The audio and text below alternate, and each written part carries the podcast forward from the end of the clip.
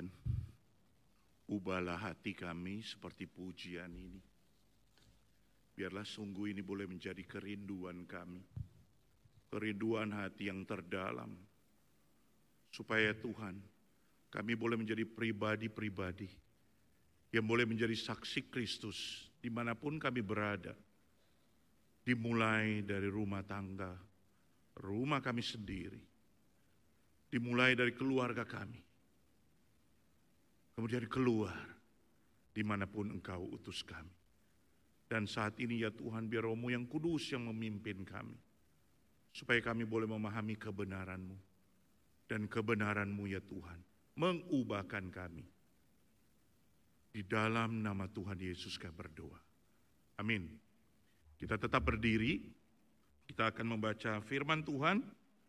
Kita semua membuka Alkitab dari kitab Rut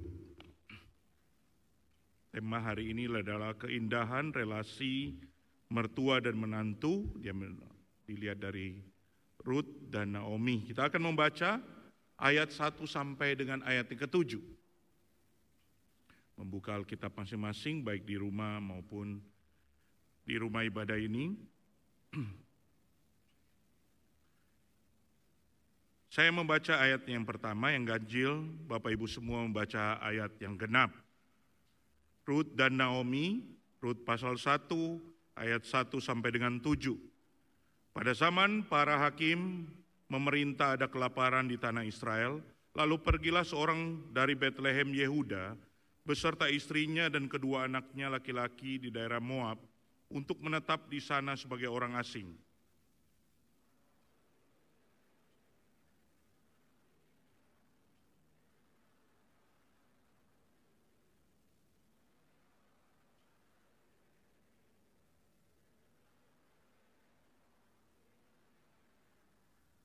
Kemudian matilah Elimelek suami Naomi sehingga perempuan itu tertinggal dengan kedua anaknya.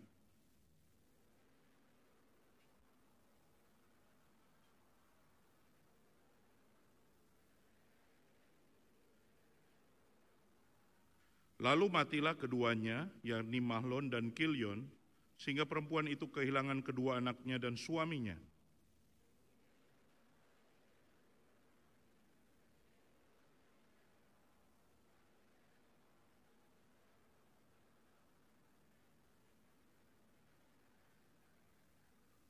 Maka berangkatlah ia dari tempat tinggalnya itu bersama-sama dengan kedua menantunya ketika mereka sedang di jalan untuk pulang ke tanah Yehuda.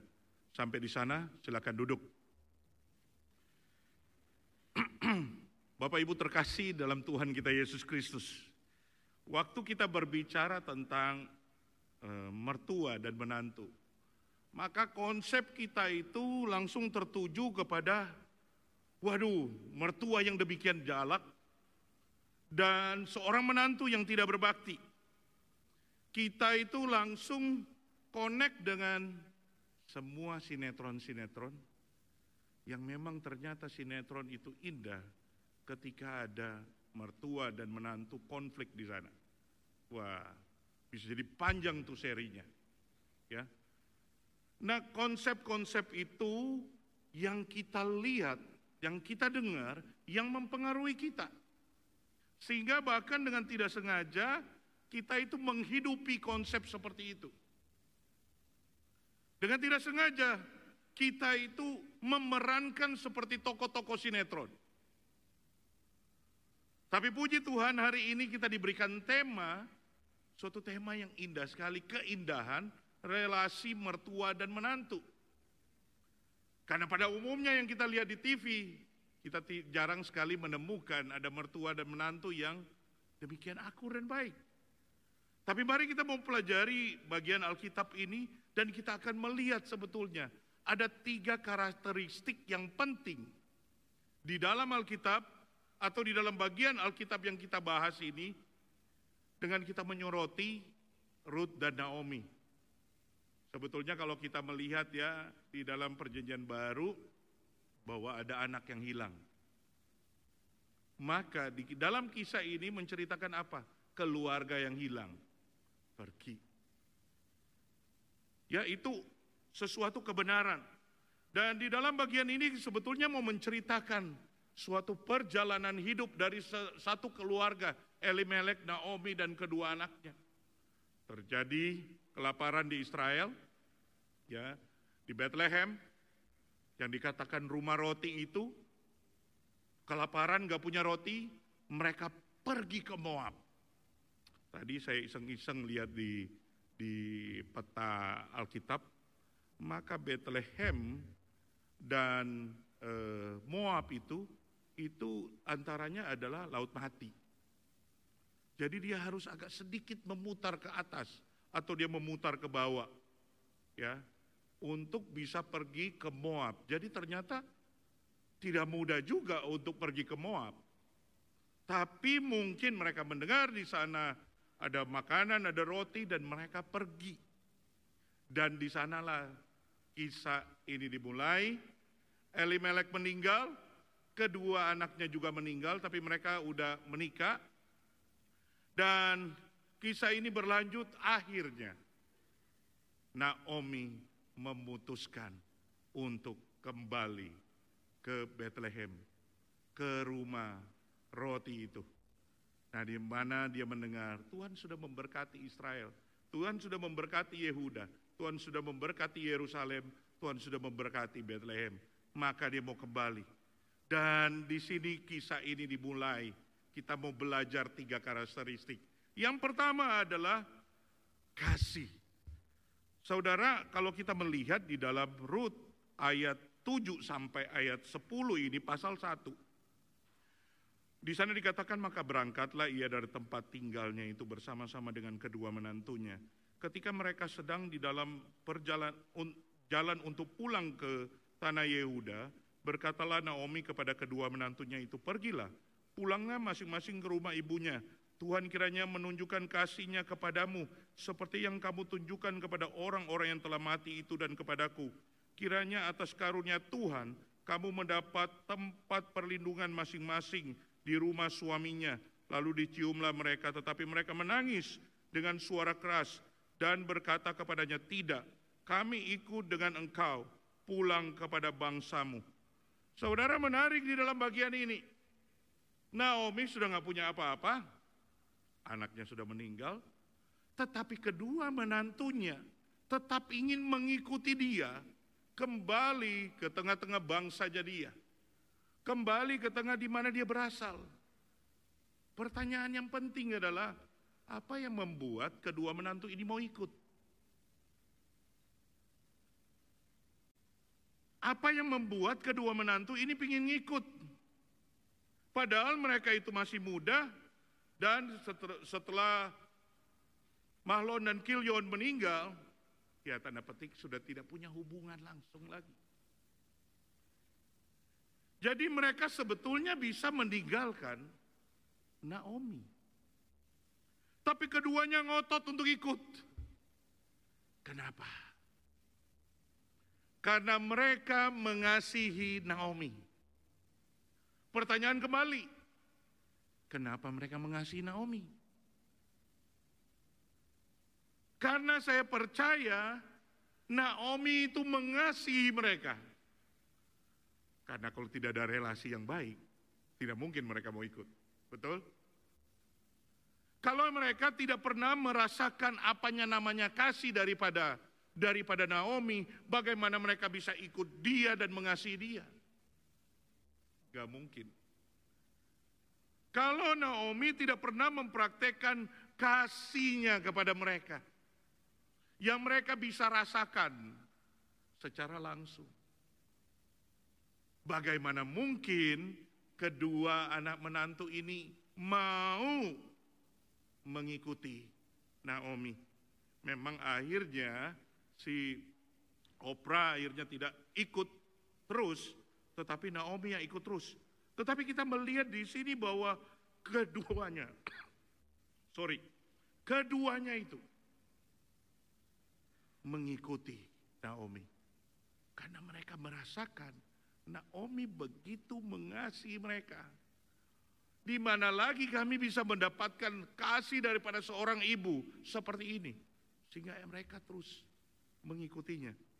Menarik sebetulnya di dalam Rut pasal 2, memang ini sudah Rut, sudah tidak ikut ya opera di sana.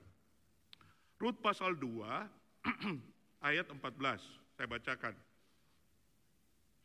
Ketika sudah waktu makan, berkatalah Boas kepadanya, Datanglah kemari, makanlah roti ini, dan celupkanlah suapmu ke dalam cuka ini, lalu duduklah ia di sisi penyabit-penyabit itu.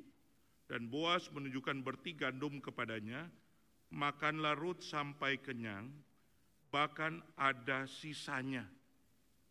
Ayat 18, ini uh, Rut pulang sampai di rumah Naomi Diangkatnya lah itu lalu masuklah ia ke kota.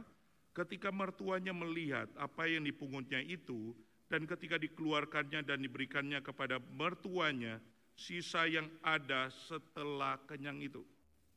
Kita melihat di sini ya. Dia itu mendapat kasih dari Boas sehingga dia boleh makan bertiga belum yang dibakar, yang dipanggang. Dia makan sampai kenyang, ternyata ada sisanya dia bungkus. Dia bungkus bawa pulang, kasih ke mertuanya. Kok bisa begitu ya? Kenapa? Karena dia mengasihi mertuanya. Dia menyisakan dan dia membawa kepada mertuanya. Karena dia tahu mertuanya nggak punya di rumah. Ini sesuatu yang luar biasa sekali. Seorang mertua yang mempraktekkan kasih kepada menantu-menantunya. Dan menantu-menantunya akhirnya juga berespon kasih kepada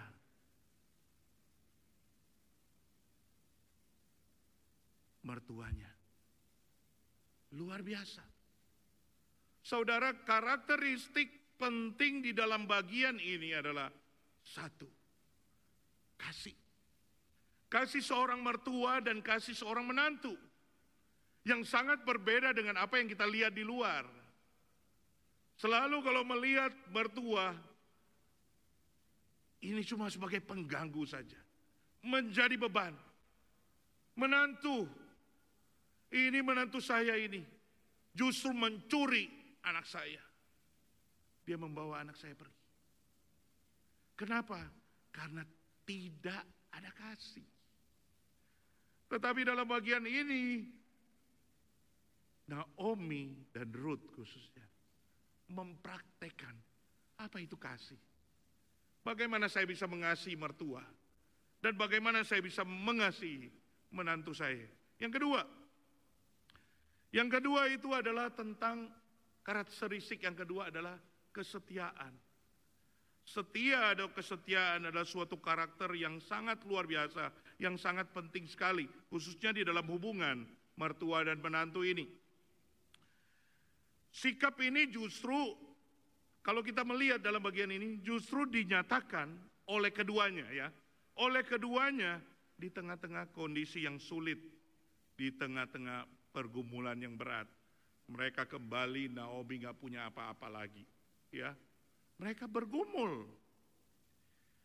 Dan menarik sekali untuk kita bisa tahu kesetiaan daripada seseorang di dalam segala elemen, segala aspek adalah ketika diperhadapkan dengan masalah, ketika diperhadapkan dengan pergumulan, ketika diperhadapkan dengan kesulitan, ketika diperhadapkan dengan penderitaan.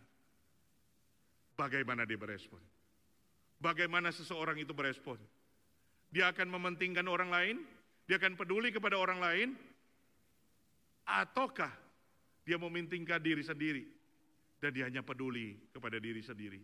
Tapi menarik dalam bagian ini. Kita kalau lihat Rut pasal 2 ayat 11. Berbunyi demikian.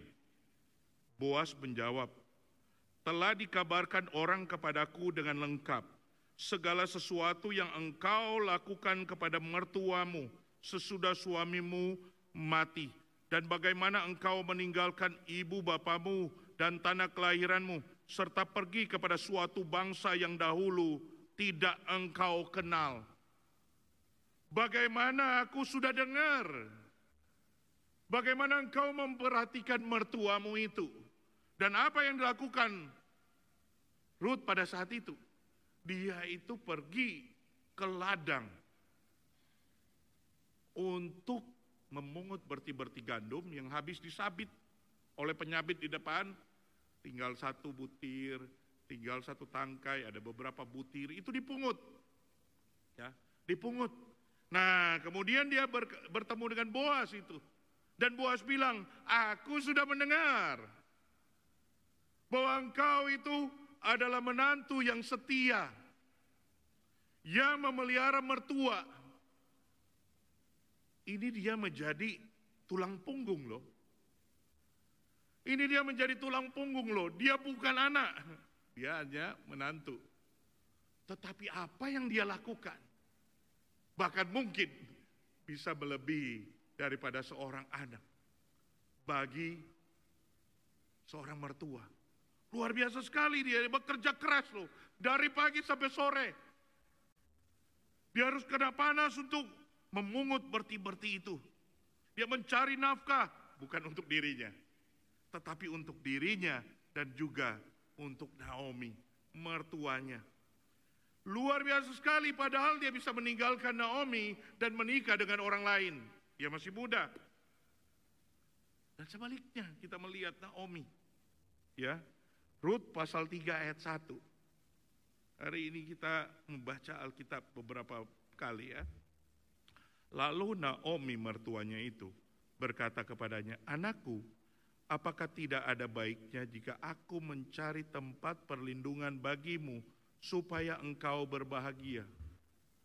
Oh melihat menantu ini yang luar biasa. Yang mencari nafkah bagi dia. Si Naomi langsung berpikir bagaimana ya. Kalau aku cariin kami, kamu seorang suami. Supaya kamu gak perlu melakukan hal yang berat, kerja berat seperti ini.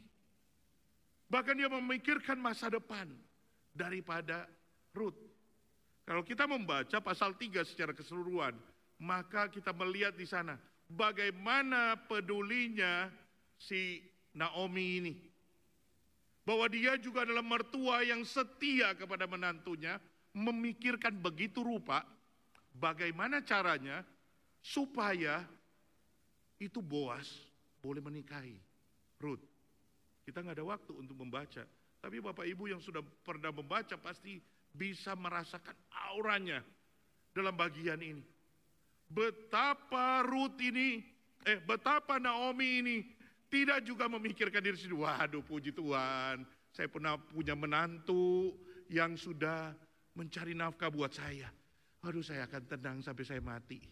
Kalau bisa dia jangan punya suami. Karena kalau punya suami nanti dia hilang. Saya harus cari nafkah sendiri. Tidak demikian ternyata. Tidak demikian. Dia itu memikirkan bahkan itu memikirkan dengan teliti, dengan dalam bagaimana kebiasaan orang Israel supaya ini Ruth bisa diperistri oleh Boas. Saudara, kesetiaan seorang menantu dan kesetiaan seorang mertua yang luar biasa indahnya. Saudara, di dalam kehidupan kita sering kali mertua itu baik sama menantu waktu baru menikah dengan anaknya. Namun setelah tahu bahwa karena sesuatu hal menantunya nggak bisa punya anak. Wah, mertua itu bisa menjadi berbeda, bisa langsung berubah. Bahkan ada mertua tertentu yang sudah memikirkan anaknya supaya menikah dengan orang lain lagi. Saudara itu real di tengah-tengah kehidupan kita. Ada seorang mertua yang demikian. Waktu tahu bahwa menantunya tidak bisa memberikan anak laki-laki atau cucu laki-laki bagi dia, langsung sikapnya juga berubah. Tidak mudah. Tapi menantu juga ya. Ada menantu itu berespon baik kepada mertua. Waktu mertua itu masih punya banyak uang banyak punya banyak uang, wah responnya baik, dekat, selalu berkunjung. Tetapi ketika mertuanya nggak punya uang, itu bisa berubah. Nggak datang lagi. Waktu tahu bahwa mertuanya sudah mulai sakit-sakitan, mulai pikun, sudah mulai buang air besar sembarangan, maka mulai memikirkan ide yang baik sekali. Bagaimana kalau mama atau papa kita bawa ke panti jompo? Sini kadang-kadang ketinggalan sendirian kalau kita pergi cuma ada sama pembantu. Dia nggak punya teman. Kita kasih aja ke panti jompo. Dia pasti senang di sana. Banyak teman di sana. Kan kita nanti bisa besuk-besuk sering. Kita datang, kita bisa jemput. Waduh indah sekali. Padahal karena sudah nggak mau ngurus. Setelah di panti jompo, bisa bilang dia, wah kenapa sudah nggak berkunjung udah lama? Iya lagi sibuk. Kan papa mama juga baik-baik di sana. Mereka banyak teman. Mereka mengertilah. Saudara banyak alasan daripada anak-anak memasukkan orang tua atau mungkin mertua ke panti jompo karena tidak nggak mau urus. Alasannya indah baik sekali. Aduh, di sana banyak teman. Ada dokter, ada suster yang merawat. Kita kadang-kadang nggak sigap. Kita kalau tinggal kau sakit gimana? Padahal di rumah juga bisa kasih suster kan? Begitu banyak alasan. Saya nggak tahu apakah saudara mertua yang demikian ataukah saudara menantu yang demikian. Tetapi kita belajar di dalam bagian Alkitab hari ini bahwa ada seorang mertua bernama Naomi dan seorang menantu bernama Ruth yang mengasihi menantunya, yang mengasihi mertuanya, yang setia kepada menantunya dan yang setia kepada mertuanya. Ini luar biasa sekali. Boleh menjadi teladan. Bahwa di dalam Alkitab ada satu teladan yang indah bagi saudara dan saya sebagai seorang anak. Kita kalau mau lihat di sini, nggak bisa aja lihat sebagai menantu dan mertua. Tetapi apa yang dilakukan Naomi dan juga lakukan oleh oleh Ruth ini melampaui, melampaui bahkan daripada seorang anak meskipun dia menantu. Naomi melakukan melampaui daripada seorang mama meskipun dia itu mertua. Dan yang ketiga, dan yang ketiga, karakteristik yang ketiga adalah iman. Mari kita membaca Rut 1 ayat 15 18. Rut 1 ayat 15 18, tetapi kata Rut, Janganlah desak aku meninggalkan engkau dan pulang dengan tidak mengikuti engkau. Sebab ke mana engkau pergi, di situ jugalah aku pergi. Dan di mana engkau bermalam, di situ jugalah aku bermalam.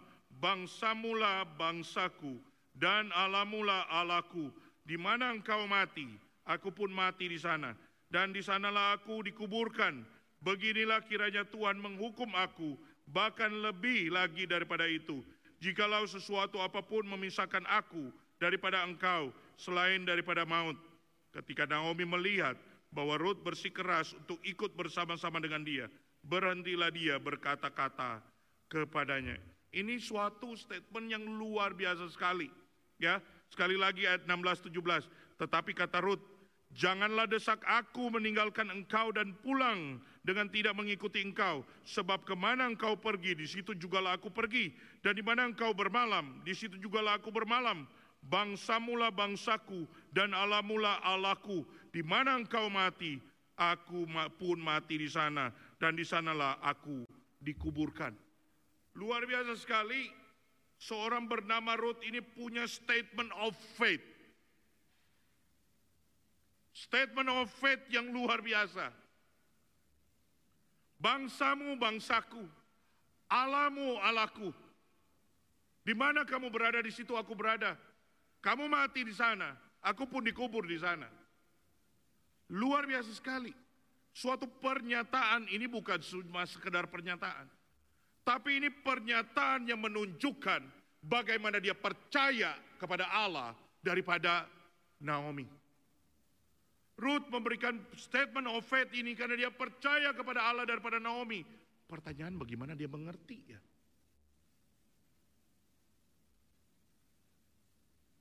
Satu-satunya alasan. Berarti Naomi itu di dalam hidupnya dia itu memperdengarkan perkataan-perkataan iman kepada menantu-menantunya. Selama menantu itu bersama dengan anak-anaknya, mereka melihat selama 10 tahun itu, mereka melihat bagaimana Naomi itu hidup, bagaimana dia berkata-kata, bagaimana dia melakukan sesuatu, bagaimana dia menyembah Tuhan Allahnya. Wah itu ternyata menjadi pembelajaran bagi Ruth. Sehingga Ruth juga, saya juga mau percaya alamu itu. Saya juga mau menyembah dia. Saya bahkan mau mati di tanah yang adalah Allahmu yang penguasa. Saya mau pergi. Mengikuti, Ruth itu mengikuti Naomi bukan hanya sekedar dia ikut mertua pindah. Tetapi itu merupakan suatu langkah iman untuk pindah di satu bangsa di mana di bangsa itu punya Tuhan. Zaman dahulu suatu bangsa punya Tuhan sendiri. Jadi berarti dia meninggalkan Tuhannya dan dia mengikuti Tuhannya daripada Naomi. Dan dia mau percaya bahkan sampai mati. Jadi tidak ada lagi turning back, kembali ke kampung halamannya Moab. Gak ada. Benar-benar dia melemparkan dirinya, menyatakan imannya untuk mengikut Naomi. Jadi bukan hanya sekedar mengikut Naomi, tetapi dia percaya juga kepada Tuhannya Naomi. Ini luar biasa, indah sekali. Berarti Naomi itu di dalam hidupnya, dia itu menyaksikan imannya, kepercayaannya kepada para menantu. Sehingga mereka juga mau percaya kepada Tuhan daripada mertua. Saudara, beberapa kali dalam pertemuan KP di gereja kita ini yang saya pimpin, bersyukur sekali ada kesaksian-kesaksian yang indah sekali bahwa ada menantu-menantu yang membawa mertuanya kepada Tuhan. Ada mertua yang membawa menantu kepada Tuhan. Ini sesuatu yang luar biasa sekali. Bahwa bukan hanya ada dalam Alkitab, ternyata bisa dikerjakan oleh saudara dan saya. Dan ada jemaat Tuhan, GKS Sunter yang melakukannya. Saudara, itu puji Tuhan. Sesuatu yang applicable. Sesuatu yang bukan hanya ngomong di atas, di awan-awan. Tapi sebetulnya bisa kita kerjakan. Pertanyaannya adalah, apakah saudara punya kasih kepada mertuamu? Mengasihi dia. Mengasihi dia dengan sungguh Apakah saudara sebagai mertua mengasihi menantumu dengan sungguh-sungguh? Apakah engkau setia kepada mertuamu dan pada menantumu? Dan kalau dalam lihat dalam bagian ini saling berganti. Ya, Naomi dan Ruth. Jadi ternyata enggak harus Oh kalau mertua harus lebih utama. Jadi kalau memulai kasih harus mulai dari menantu dulu. Gak juga. Tapi bagaimana kita sebagai orang percaya yang sudah mengalami kasih Kristus. Melalui pengorbanan Kristus di atas kayu salib. Kasih yang kita terima itu. Kita bagikan kepada orang-orang di sekitar kita.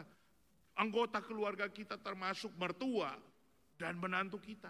Dan bagaimana kita menyatakan iman kita, sharing, bersaksi. Kalau kita sudah mau bersaksi, maka menantu mertua akan melihat kita adalah pribadi yang berbeda. Itulah yang membuat Ruth mengikuti Naomi. Saudara, dan kalau kita melihat bagian ini, ini happy ending. Karena akhirnya Ruth itu menikah dengan Boas, dan Ruth melahirkan keturunan dan Naomi bersuka cita atas kelahiran anak daripada Naomi, eh, daripada Ruth dan Boaz. Luar biasa. Saudara, bagi kita yang masih pacaran, doakanlah calon suamimu atau calon istrimu, tapi doakan juga calon mertuamu, supaya mereka boleh menjadi orang-orang yang dapat menerima dirimu, mengasihimu, dan juga kamu mau menerima dan mengasihi mereka. Pikirkan hal baik. Kalau kita sudah menjadi menantu atau mertua, apa yang kita bisa berikan kepada anak menantu kita? Apa yang kita bisa berikan kepada mertua kita? Jangan menuntut untuk selalu diberi. Tapi bukalah hatimu. Supaya dia melihat kasihmu. Dia melihat kesetiaanmu, imanmu. Sehingga dia setiap kita boleh menjadi berkat. Bahwa mertua itu adalah orang tuaku bahwa menantu itu adalah anakku. Saya bukan kehilangan anak, tetapi saya mendapatkan satu anak lagi. Biarlah itu boleh memberkati kita semua. Tuhan Yesus memberkati kita berdoa. Tuhan terima kasih untuk anugerahmu kepada kami. Hari ini kami boleh belajar. Indahnya relasi antara mertua dengan menantu. Dan bahwa dunia ini menyebarkan konsep kepahitan, pertengkaran konflik antara mertua dan menantu. Tetapi Alkitab menggambarkan ada keindahan di dalam hubungan mertua dan menantu. Dan biarlah hari ini kami boleh belajar supaya kami boleh menjadi anak-anak Tuhan yang boleh memenangkan mertua kami, boleh memenangkan menantu kami, membawanya kepada Tuhan bagi kemuliaan nama Tuhan. Dalam nama Tuhan Yesus kami berdoa. Amin.